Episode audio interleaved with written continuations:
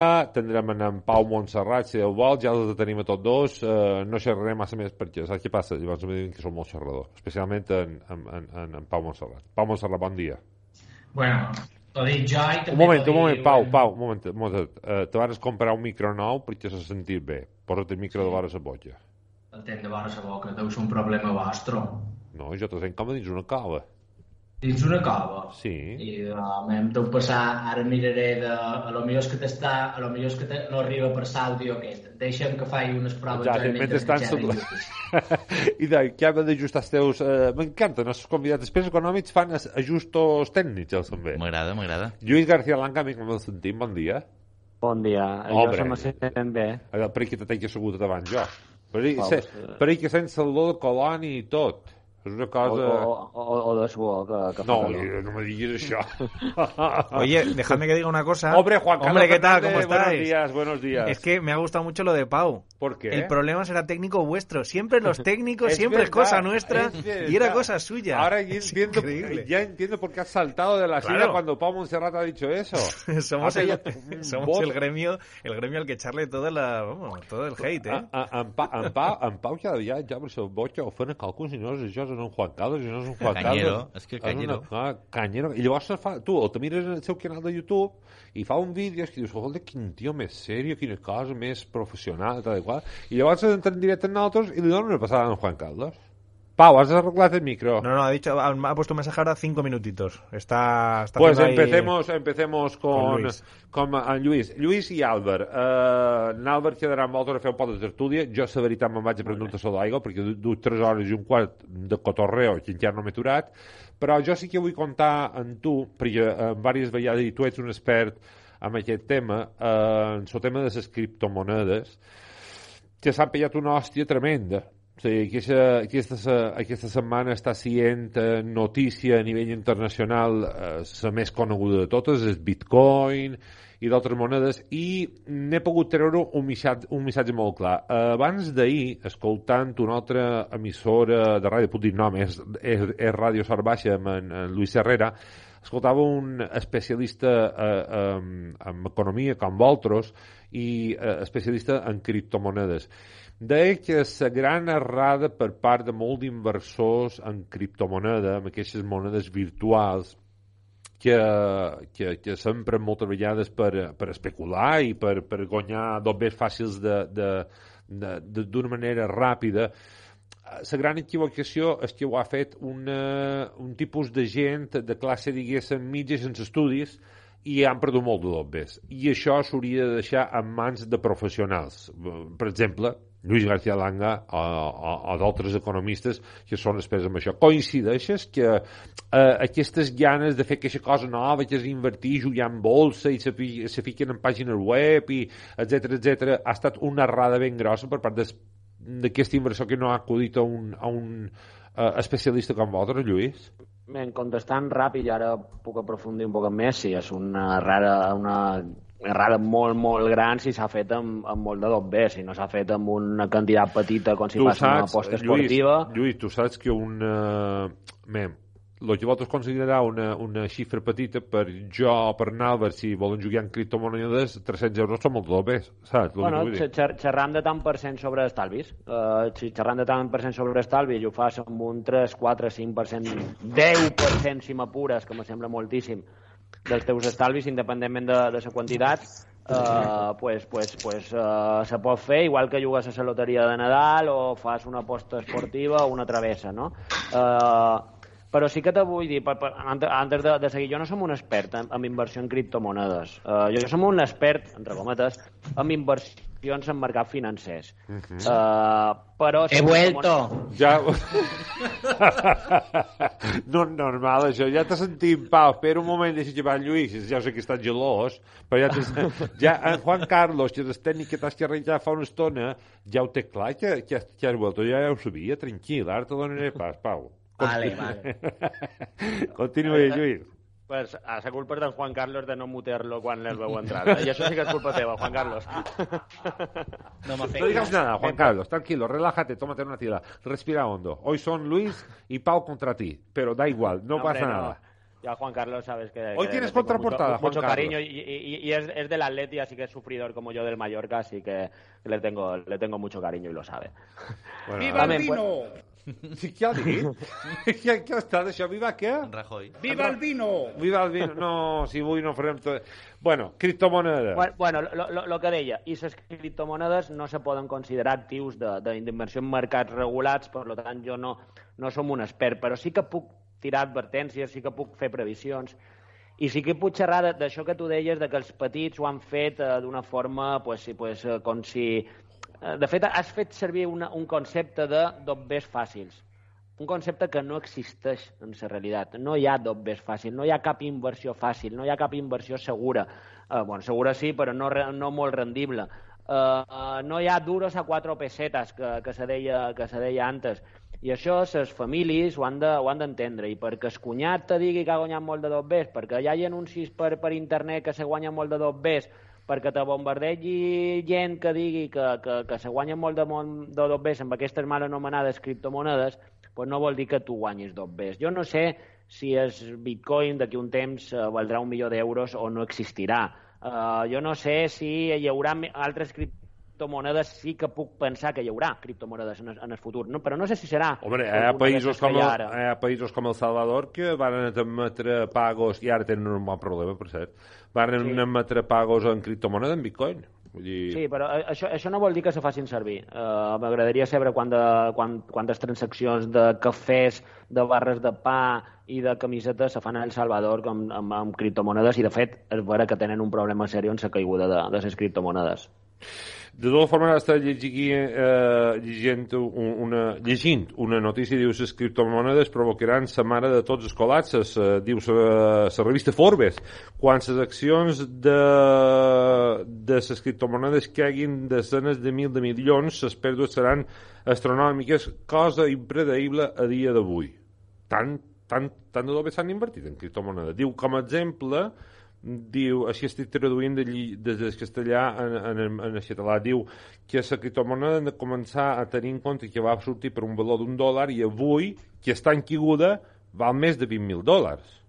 Jo, si, si ara me deixeu, perquè Sí, endavant. aquí és una espècie de monotema, uh, si ara me deixeu, i això sí que potser me Qual, podrà... qual, qualcú havia de cobrir els teus Ja problemes està, ja tornem a tenir discussió.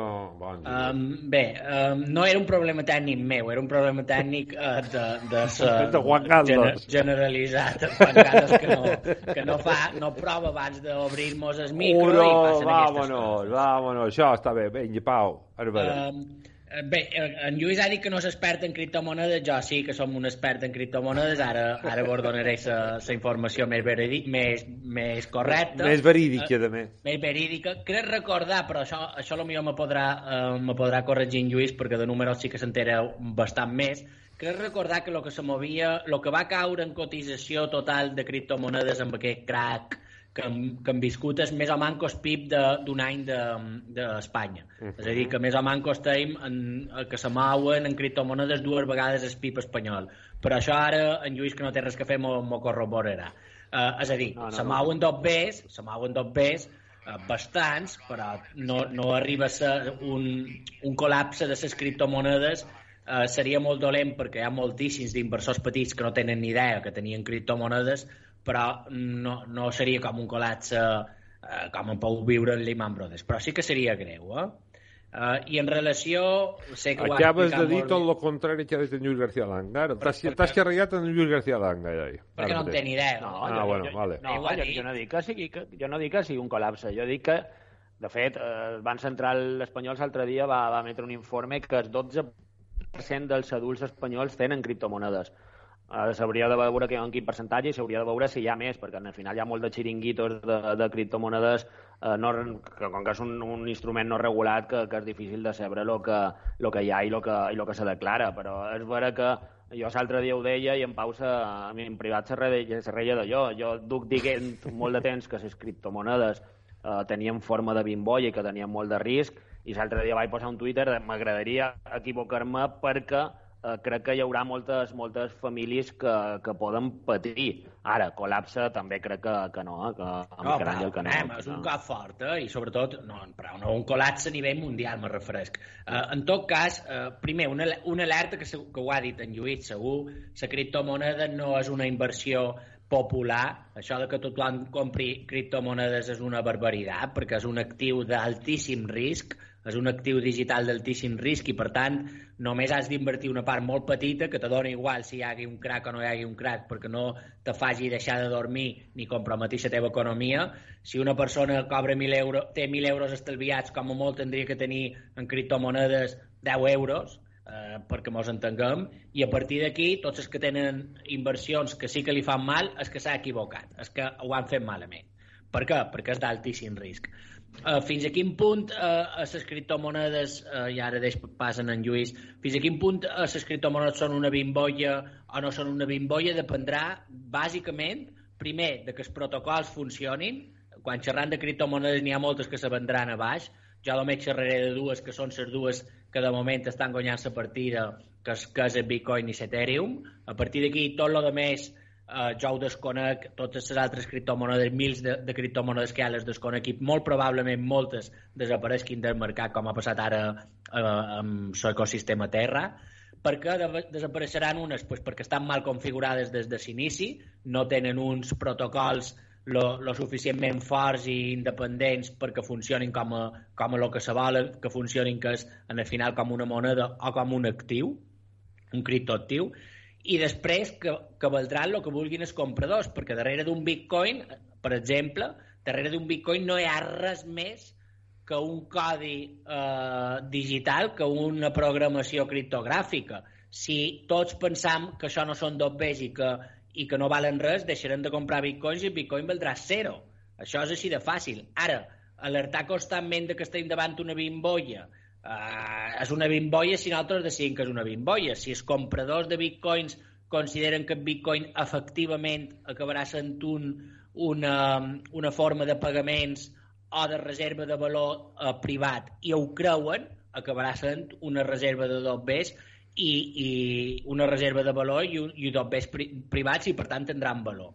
Només és això, que no, no té molt de sentit estar sempre alertant que és una bimbolla, perquè serà una bimbolla si la gent no creu que això és un, un, un actiu digital que, que té valor. Al·lots, anem a, a canviar de terç i bordeix amb en Albert Moreno una estoneta. Uh, tenim dues xifres damunt la taula. Uh, Albert, me pens que tenim la deuta espanyola en es? Sí, ara mateix en el 117,7% del PIB és el deute, eh, la deuda pública, en aquest cas, que ha arribat a un nivell màxim ho va fer durant el mes de març en una dada que hem conegut avui, eh? ni més ni manco que 1.400... Eh, no, perdó, un... Bilió. Exacte, seria un, un milió de milions. És a dir, Un bilió... Sí, un, un 1,4 eh, 1,4 bilions. 1,4 Podeu bilions. demanar als economistes que teniu en ventana. eh? Efectivament. Ja te l'ho cobrar. Saps què te vull dir? Escolta, Albert, ve- vés amb el dos m'apararem, m'apararem. Sí, sí, sí, sí. Això, això, això no acabarà bé. I de bo, no, el que dèiem, eh? des de març del, del 21 eh, el deute públic s'havia incrementat en 60.000 milions, un 4,4%. Lluís, eh, Pau, això què vol dir? Pues vol dir que, que la cosa no està bé. Vol dir que de, això tra, traduït un poquet vol dir que Espanya deu un 40% més de lo que genera durant un any la seva, la seva economia. Uh, això és, és moltíssim. Uh, és a dir, imagina't tu que uh, qualsevol família, qualsevol empresa que, que li passi això, que tingui una deuta un 40% superior a lo que, a lo que genera. Uh, no, no, no, no és viable. Què passa? Per què és viable en una administració pública? Perquè té la confiança dels inversors que li deixen dos bés contínuament i que encara que no torni aquesta deuta, que no redueixi aquesta deuta, sí que la refinancia, inclús la incrementa. Però això té uns límits, això té, té un límit, ho vam viure ja en el 2007 amb nivells de deute menys, menys greus, però bueno, amb, amb un increment de deute molt gran. Eh? 2007 va haver empujat d'anys anteriors d'un 30% de deute a un 100% de deute, ara estem en el 140. Uh, que va passar en el 2012, que, que recordeu-vos que va venir la, la famosa troika. Què era la troika? La troika eren els inversors, les persones que li havien deixat els dos bés a Espanya i li deia, ostres, com no me'l tornaràs, pues jo perquè me'l tornis te poso unes condicions. Si tu, jo te, si jo, tu, Àlvar, me demanes uh, 5.000 euros per, perquè no tens per menjar i perquè no tens per, per, per, per una llalera i demà te vaig amb un Ferrari, te diré, eh, uh, això has de vendre aquest Ferrari i, i has, de, has de començar a fer feina de veres perquè me deus 5.000 euros i, i no tens vergonya. pues això és el que, el que li pot passar a Espanya en el millor dels casos, que sigui que aquesta deuta empullada de tipus d'interès, no ens oblidem que estan pujant els tipus d'interès, per tant, Espanya tindrà més despesa financera per tornar aquesta deuta, per tant, Espanya haurà de recaudar més i tal com són el que serà és pujar impots, perquè no, no, no saben reduir despeses inútils, sinó que volen incrementar ingressos via, via increment d'impots, pues, vol dir que, que el futur per a Espanya pues, no és molt millor del que tenim ara. Au, eh, referent a lo que sí. diu en, en, Lluís, no se planteja, per suposat, una, una baixada d'impostos, l'administració no deixa d'incrementar-se, això, eh, no sé si en el mitjà o en el curt termini pot tenir repercussions, però siguin el llarg, no? Jo, jo una cosa que estic llegint, estic cercant, però no, no he tingut temps de, de trobar el percentatge, perquè m'ha aparegut una animalada, el 140% del PIB. Jo per aquí he vist que la, Comissió Europea manejava un 115 per guany. No sé si és Ha dit correcte. un 140, no, no, un 116. No sé, he dit un, Ah, un Sí, 140, un, un un, 116. la ràtio de, de, de deute per PIB ha baixat fins a 117,7 del PIB. A veure, 116, Vale, vale. Pensar, jo per pensar, si he, dit- si he dit 140 se m'ha anat d'escap, eh? Perdona, perdona. Vale, vale, vale. Set, un No, és que m'havia assustat, a més, m'havia assustat perquè ja, ja és alt, un 7 de 7. de, devia pensar en un altre... Perdó, perdó. Un, jo, mira, pensava que era 116 i és 117. Vale, perdó, perdó. Um, a veure, jo m'agradaria no sempre, no, no sempre, perquè és un poc més complex que la deuta pública d'un país és, un poc, és bastant més complexa que, que la deuta, que la deuta d'un- d'una família. I després m'agradaria també llevar-li un poc que sempre estem, quan, quan xerrant de deutes públics sempre estem amb, amb els arguments luterans de, de, dels països com Alemanya que, que li fiquen la part de és una vergonya, és un... Anem, anem a xerrar... Jo, jo m'agrada més anar en, en, en, es, en el tema tècnic que no en el tema luterà de si és una vergonya o no, perquè hi ha, hi ha països que s'ho poden permetre i països que no. En funció de la seva capacitat de generar riquesa present i futura, Espanya no és un país que se pugui, per desgràcia, permetre tenir durant molt de temps eh, deutes públics tan, tan elevats perquè no són capaços de generar la riquesa necessària per pagar aquest deute públic i els interessos que suposen. Que suposen. Estem visquent un moment, eh, en general, eh? estem visquent unes èpoques on els nostres polítics eh, en lloc de mirar per, per benestar de les generacions futures i no només per benestar eh, immediat dels qui els voten, eh, mos estan duent a una situació molt difícil de sostenir. Eh, nosaltres, com a país, eh, quan les coses mos funcionen un poc bé, el que hem de fer no és eh, de cop eh, mm, eh, seguir eh, gastant i gastant i quan les coses ens van malament també seguir gastant, gastant i gastant, sinó que hem d'intentar estalviar quan les coses funcionen un poc bé per, per després fer despesa productiva quan les coses no funcionen. Aquí eh, jo crec que és evident que tenim eh, un, un sector públic mal dimensionat, no diré sobredimensionat o no, sinó mal dimensionat. No podem estar finançant eh, duplicitat, triplicitats, quadriplicitat d'administracions, no podem estar finançant eh, una part, una part de, del funcionariat molt poc productiu perquè el propi sistema no fa que sigui que, que, que puguin desplegar tota la seva capacitat i que facin la feina que han de fer, etc etc. Uh, fins que no, no, fegem, no tinguem realment un, un sector públic que funcioni de forma òptima, en la tamany que cada un en el seu moment decideix que ha de tenir, pues ens trobarem en una situació conceptual que quan, quan, com ha dit en Lluís, eh, amb escenaris ara de tornar a pujar els tipus d'interès, que era un escenari més que previsible, i que el Banc Central Europeu deixa de comprar deute pública i, per tant, l'han de vendre directament en els mercats i això pues, suposarà un increment de la prima de risc, pues, bueno, ens trobam en una situació on tot, tornarem a veure que l'economia espanyola està en una situació compromesa. Aquí Uh, lo, per, lo que... per, perdona, perdona, Àlvar, perquè Digues, Lluís. en Pau ha començat dient que no pot dir que és una vergonya, però les conclusions, m'has de corregir, Pau, és que és una vergonya. Bé, sí, però més que res és una, és, és, no, és una, és una utilització incorrecta dels pressupostos. Ho dic perquè, ho dic perquè no vull, fer vergonya. joc, no vull fer joc en els, en els alemans que sempre estan fiquent la part luterana que, bueno, al final eh, més que una vergonya és que no estem fent bé la feina, els nostres gestors públics no fan bé la seva feina. A més, la, la setmana passada coneixíem que des de l'autoritat fiscal, en aquest cas, acusaven en el govern de Pedro Sánchez de no tenir una uh, estratègia fiscal per poder reduir aquesta deuta. Deien des de l'executiu d'en Sánchez que s'encomanaven en el cicle de creixement i inflació per reduir el dèficit en el curt termini, però no, claro, no, no tenen un, ara mateix un pla per poder situar aquest deute per davall del 100%, no? Això ha de ser l'objectiu primer, no? Situar per davall del 100% del, del PIB, el deute.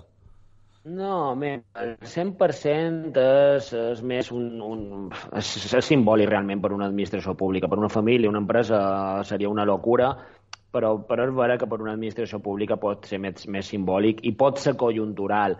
El problema de la deuta pública, i mira que, que se pot criticar molt en aquest Tampoc govern... una perquè- locura, Lluïsa, perquè pensa que uh, un 100% del PIB, uh, si ho volem dur a, a una família, vol dir que si tu tens uns ingressos anuals de 60.000 euros, la teva deuta tens una deuta de 60.000 euros, que això ho tenen moltes de No, famílies. però, però, eh, però, però, pensa, pe, pe, no, pe- però de, deuta neta. Si són 60.000 euros i el- més que el que val el, el pis que t'hipoteca, sí que se- seria, seria perillós. O sigui, xerrant de deuta neta, eh? Vale? O sigui, jo quan cert de compara amb família xerrant de deuta neta. un préstamo, un préstamo personal. Un préstamo De- personal de, de- 60.000 euros per una família que gani, guanyi 60.000 euros. Tampoc no... De, depèn, es- depèn, no, depèn de lo, si és un préstec per què, per, per comprar un eh, cotxe per i el anar-se'n de viatge. val, ja, Per anar-se'n de Eh, viatge. Això, pues, pues això, això me, sembla una aberració. Sí. Pues això, sí que me semblaria, me, sembla molt, molt perillós. O sigui, és, eh, idò sí que, que, que, que me'n mantenc la idea. Uh, Però és assumible, encara que sigués encara per una família que cobra 60.000 euros, tenir una deuta de 60.000 euros, és assumible. si, si una família cobra 60.000 i s'ha hagut d'endeutar en 60.000, o, té, o ha tingut problemes o tindrà problemes. Vale? O sigui, que, que no, no cap de donar-te la raó i podem profundir, o sigui, de, quan deixem de, de, de, de xerrar de, de deuta pública, crec que és molt interessant. Eh? De fet, per, per, per, no, per no canviar de tema, si vols després, després xerram, perquè, perquè sí que és molt interessant. És l'endeutament l'endeutament públic, que, privat, que també pues, de vegades és molt irresponsable i passen coses que passen.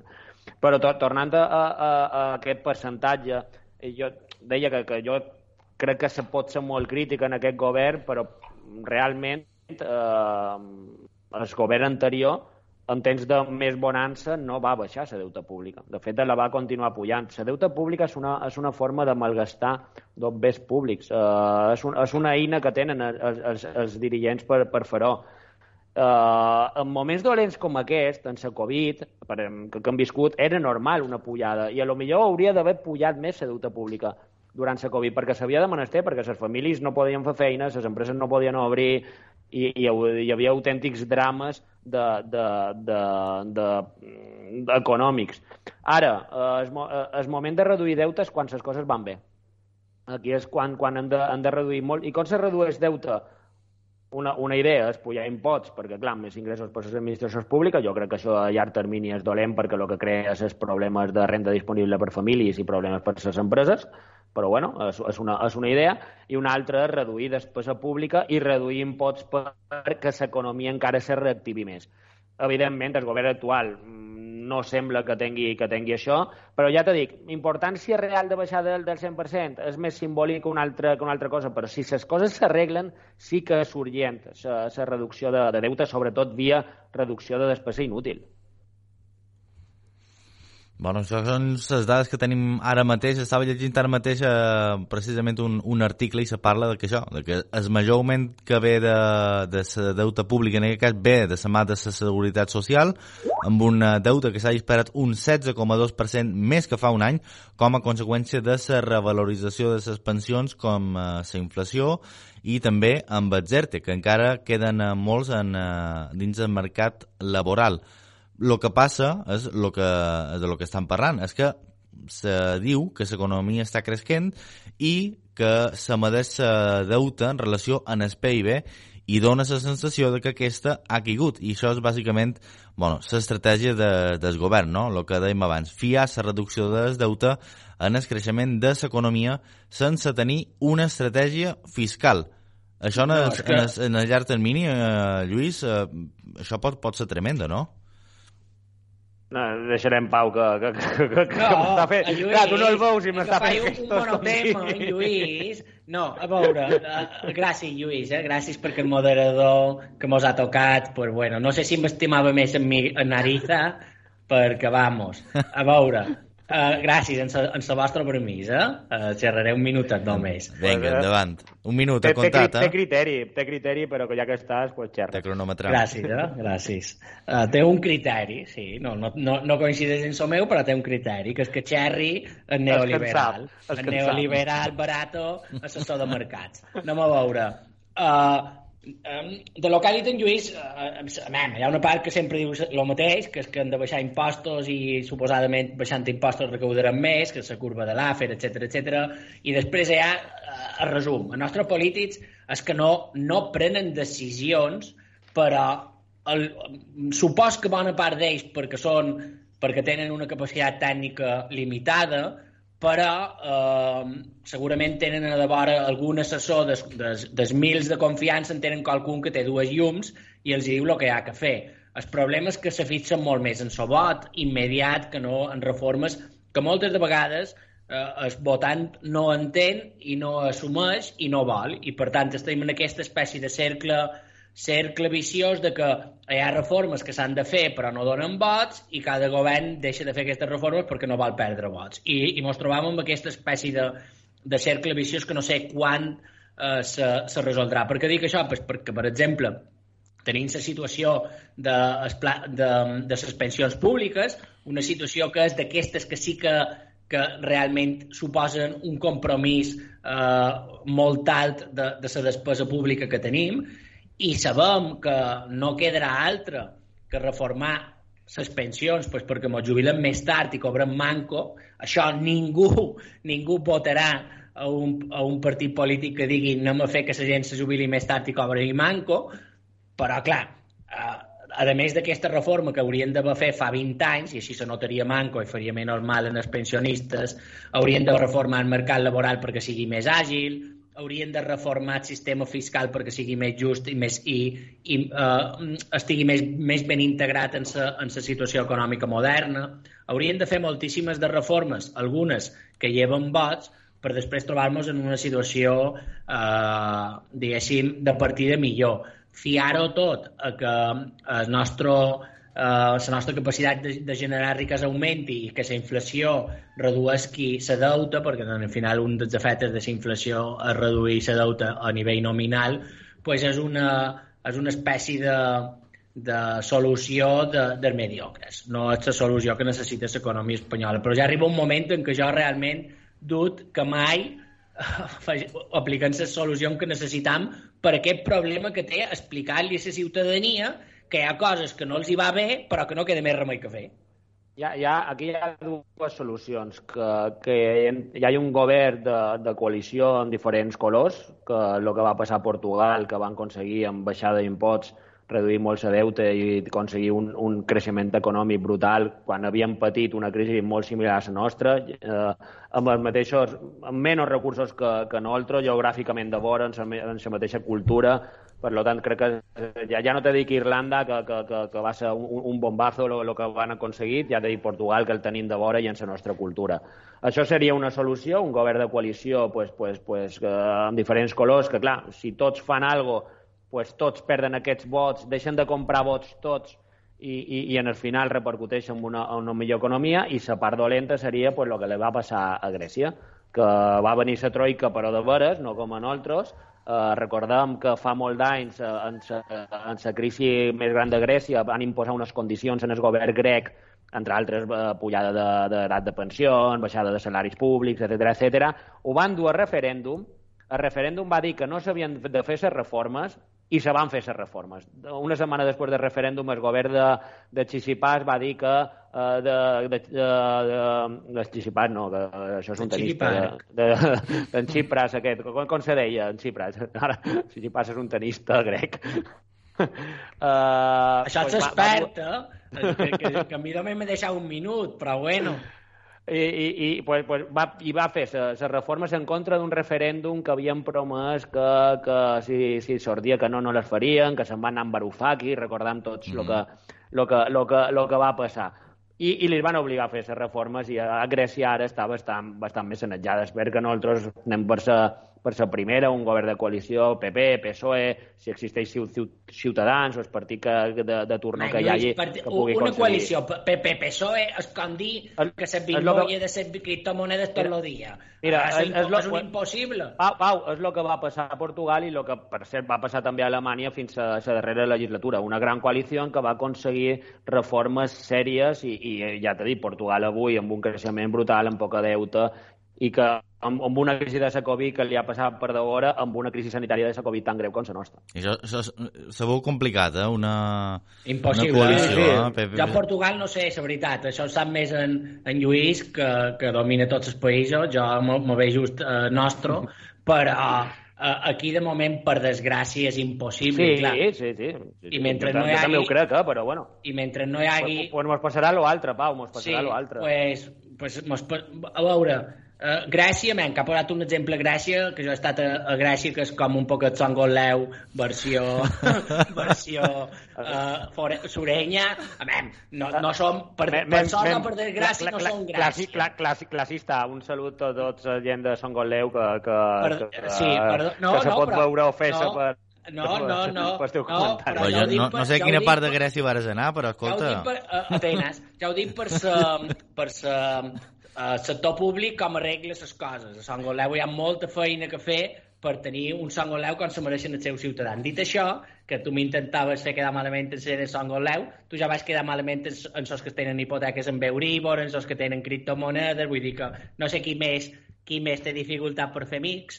Uh, Grècia no és Espanya, uh, Grècia no és Espanya, no és Espanya no perquè nosaltres siguem millors que els grecs, sinó perquè la nostra, el nostre, diguéssim, tantes nos, la nostra forma de crear riquesa és un poc més diversificada que la que, teni, que, tenen, que tenien els grecs, com perquè som un país més gran i per tant és més difícil poner-nos en vereda, perquè ens entenguem, però sí que és cert, sí que és cert que eh, les decisions que han pres els darrers, els darrers, els de, els, els darrers dels dos colors, eh, del Partit Popular, del Partit Socialista, en unes situacions que no ho oblidem, sempre han estat difícils per, per la nostra economia. Venim de l'any 2007-2008 amb una crisi mundial, després d'aquesta crisi mundial ens pensant que ens anàvem a recuperar i encara no ens hem recuperat i veiem Covid, després del Covid molt bé el conflicte que provoca Rússia amb Ucraïna, etc etc. És a dir, duim unes quant, duim dècades en dificultats, però si li sumam que és difícil,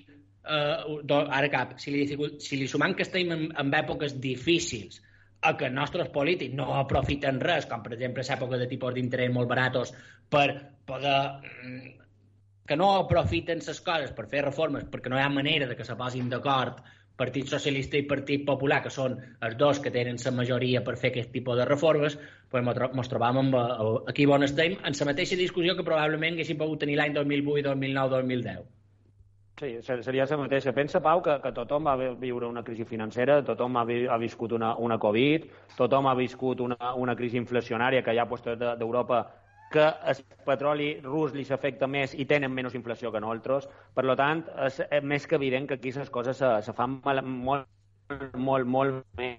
I és vera que, ho he dit, eh, el, el govern de, de Mariano Rajoy, que va, va, se, se post crisi financera tenia una oportunitat única per reduir deute, tenia majoria absoluta per fer reformes estructurals interessants que, que, que no va fer i part d'això ve, ve d'aquí. Ara el govern de, de coalició aquest que tenim, pues, pues, eh, ostres, és que eh, ni entre ells s'entenen com per fer com per fer reformes sèries i les reformes que fan són cara a la galeria sense, sense cap ús, ús real. Per què? Perquè tenen ells problemes interns i això no, no, crec que no s'hauria de, de, de permetre. Crec que lo important és, és lo important i no és vots que te pugui eh, donar la part de Podemos versus la part de, de Partit Socialista i estem, estem patint, i no és excusa la Covid, no és excusa la inflació, no és excusa la guerra de Grècia, no és excusa la crisi financera, perquè tots l'han viscut, no, no són crisis locals. Són les 11 i 50 minuts, som en Pau Montserrat i Lluís García Langa, tertúlia d'Economia, darrers 10 minuts d'aquesta tertúlia, i m'agradaria abordar una qüestió també que és notícia en aquestes darreres hores. Brussel·les ha retallat fins en el 4% la previsió de creixement de l'economia a Espanya l'any 2022. Havia estat xifrada en un principi en un 5,6 i sembla que se retrasarà, en aquest cas, ja parlant de l'any 2023, aquesta recuperació del PIB per a pandèmia, el que dèiem, fins en el 4% de previsió de creixement per a Espanya. Això quines conseqüències pot tenir? Vinga, començant per tu, Pau. Bueno, eh, lo que, lo que les previsions mos acaben dient, està en Lluís riguent... Eh, Perquè justament t'ha donat pas i tu Sí, ara, ja. no, la vol- ara no volies. Ara no, Jo eh? primer.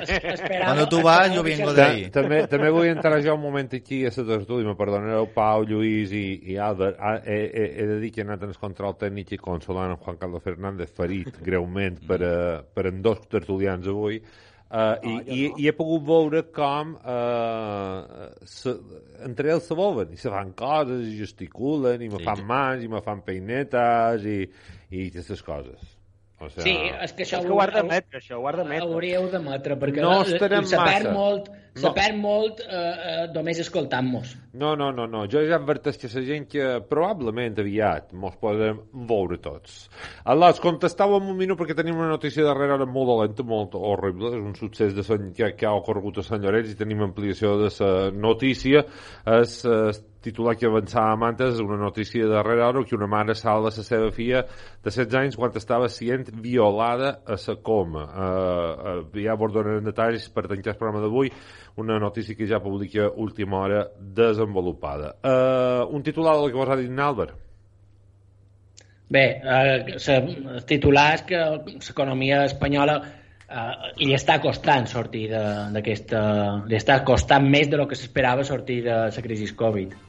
Jo, sa, sa, el titular seria que, que les administracions han de, han de, que, han de captar aquestes, aquests missatges d'administracions independents per, per intentar fer reformes. No mos sorprèn tampoc una rebaixa de previsions. Ojo, que no endivinen mai les previsions, també també això, això és vera, però la tendència sí que, sí que se marca bastant bé i una reducció de previsions és, és un toque d'atenció cap, a, cap en el govern. Veurem què passa en tot això. Lluís García Langar, en sèrio, moltíssimes gràcies per haver estat amb nosaltres avui de matí. Ha estat un plaer, com sempre, tenir-vos en directe, igual que tu, Pau Montserrat. Uh, Pau, m'ha agradat molt el seu despatx ple de quadros i certificats i títols, una cosa de locos. Vull dir, tens, no, no te vas de fer forats a la paret. Uh, gràcies. Uh, no n'hi no ha ni la meitat de los que hauria d'haver, però moltes gràcies. gràcies, una ferrada a tots dos. O sigui, bon dia. Adéu, gràcies. gràcies. Un pot de cotorreo. De fer una... Tenemos que hacer un indicativo, Juan Carlos, que diga cotorreo. Momento del cotorreo.